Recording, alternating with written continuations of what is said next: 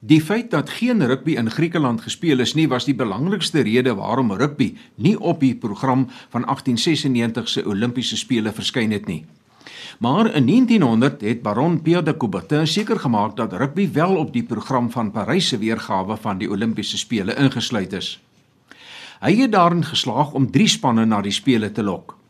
'n Span wat saamgestel is uit klubs in Parys wat Frankryk verteenwoordig het, 'n span van die Frankfurtse voetbalklub wat Duitsland verteenwoordig het en die Moseley Wanderers, 'n samestelling van spelers uit die Engelse Middelland wat Engeland sou verteenwoordig.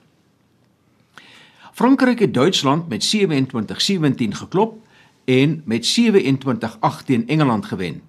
Ongelukkig het Duitsland en Engeland nie te mekaar gespeel nie met die gevolg dat die goue medalje toegekend is aan Frankryk, die silwer aan Duitsland en die bronsmedalje aan Engeland omdat die Duitsers 'n beter punte gemiddeld as die Engelse gehad het. En so terloops, dit is onlangs ontdek dat een van Frankryk se spelers, Henrique de Zubeira, 'n swart man van vermoedelik Algerynse afkoms was en dit beteken dus dat de Zubeira die eerste swart persoon was om 'n Olimpiese medalje en dit nogal 'n goue medalje te wen in plaas van die algemeen aanvaarde George Poage van die FSA wat in 1904 'n bronsmedalje in die 400 meter hekkies atletiek item gewen het. Nou soos te verwagte is rugby nie in 1904 by die St. Louis Olimpiese spele aangebied nie, maar toe Londen in 1908 gasheer vir die spele was, is rugby teruggeplaas op die program. Die graafskapskampioen van 1907, Cornwall, is aangewys om Engeland te verteenwoordig. 'n Span van Australië was toevallig op toer deur Engeland en Frankryk sou ook 'n span stuur, maar het op die laaste nippertjie onttrek. Volgens die amptelike rekords van die 1908 Olimpiese spele het Suid-Afrika en Nieu-Seeland 'n uitnodiging om deel te neem van die hand gewys, terwyl Ierland, Wallis en Skotland die uitnodigings bloot geïgnoreer het. Uiteindelik het die rugby kompetisie by 1908 se Olimpiese spele bestaan uit een wedstryd wat met 32-3 deur Australië gewen is en waarin die vleuel Dan Carroll 2-3 gedruk het. In 1912 was rugby weer nie op die Olimpiese spele van Stockholm se program ingesluit nie, maar in 1920 het die spel sy terugkeer na die spele gemaak toe Antwerpen die gasheer was na afloop van die Eerste Wêreldoorlog. Die vier tuisunies in Brittanje, naamlik Engeland, Skotland, Ierland en Wallis het nie deelgeneem nie, want hulle besware was dat hulle nie gereed was vir die spele wat in September aangebied is nie. Roemenië en Tsjechoslowakye het op die nippertjie onttrek met die gevolg dat slegs Frankryk en die VSA opgedaag het. Omdat rugby in die VSA destyds slegs in Kalifornië gespeel is, is die Amerikaanse span na 3 proefwedstryde saamgestel uit 'n pool van 42 spelers wat deur die Kaliforniese Rugby Unie genomineer is. Die vleuel Daniel Carroll wat in 1908 die goue medalje vir Australië help wen het, was 'n 1920 student aan die Universiteit van Stanford en is nie alleen ingesluit as een van die FSA se spelers nie, hy was ook hulle amptelike afrigter. Danksy sy oorwinning van 8-0 oor Frankryk het die FSA die Olimpiese kampioenskap gewen en na afloop van die spele het die Amerikaners 'n uitnodiging van die Franse aanvaar om deur Frankryk te toer.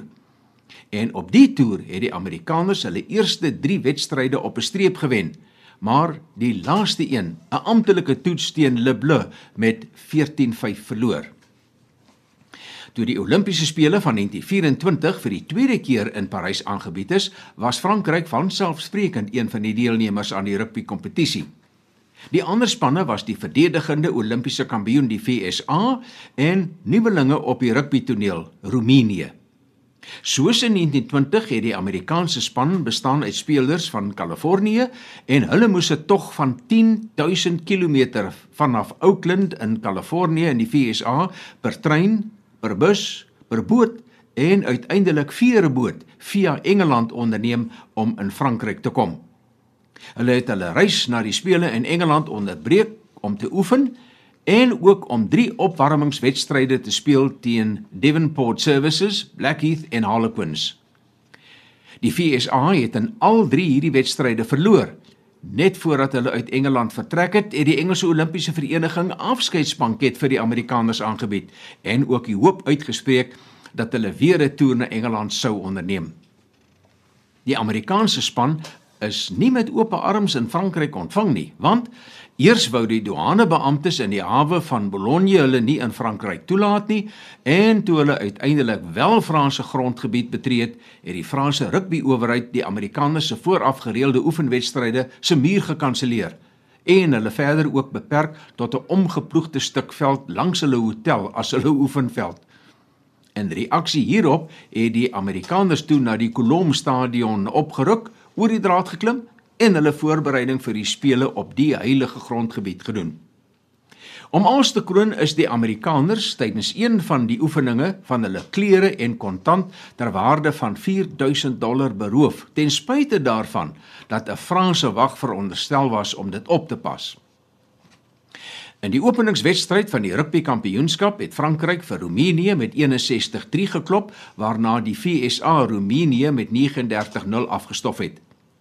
In die aanloop na die eindstryd tussen die VSA en Frankryk is die Amerikaners erg deur die Franse burgers beledig en daar is selfs op hulle gespoeg as hulle dit sou gewaag het om hulle hotel te verlaat.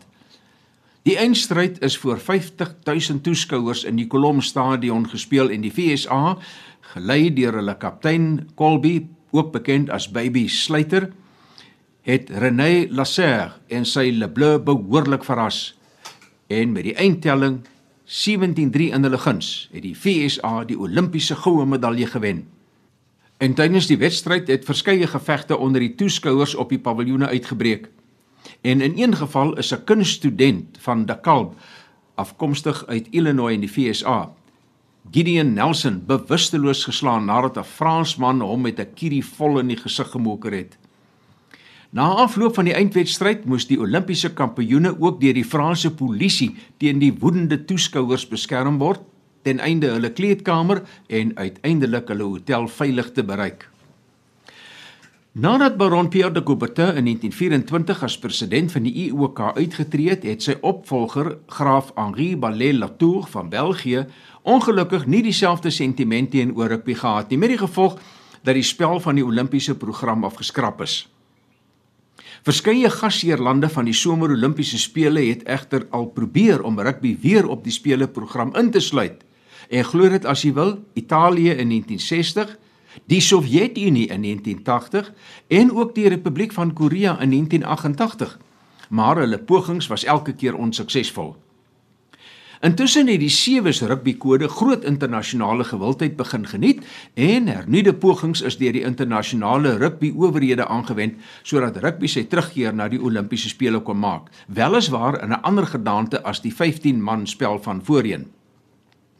Sewe se rugby het sy amptelike oorsprong by Skotland se Melrose spele van 1883 toe Ned Haig wat lid was van die Melrose Football Club 'n sewe aan 'n kant rugby toernooi gereël het om geld in te samel vir sy klub. By 'n ander geleentheid kan ek dalk meer vertel oor die geskiedenis van die spel, maar vir nou is dit genoeg om te sê dat sewes rugby sedert 1973 wêreldwyd so gewild geword het dat die internasionale Olimpiese Komitee in 2009 toestemming gegee het dat dit by die Olimpiese spele van 2016 aangebied kon word. Altesaam 12 lande het vir die rugby toernooi vir mans by die Olimpiese spele van 2016 in Rio de Janeiro gekwalifiseer en die kompetisie is oor 6 dae beslis. Die spanne is in 3 groepe bestaande uit 4 spanne elk geloot en Suid-Afrika het maklik tot die halfeindronde gevorder waar hy met 7-5 deur Groot-Brittanje uitgeklop is. Suid-Afrika het uiteindelik die bronsmedalje gewen danksy 'n weghol oorwinning van 54-14 oor Japan. Fiji is as die nuwe Olimpiese kampioen gekroon toe hy verspot maklik met 43-7 teen Groot-Brittanje gewen het. Suid-Afrika se vroue kon nie vir die Olimpiese rugby kompetisie kwalifiseer nie en Australië het die goue medalje ingepalm met 'n oorwinning van 24-7 oor Nieu-Seeland terwyl Kanada vir Groot-Brittanje om die bronsmedalje geklop het. Johan Rousseau vir RSG Sport.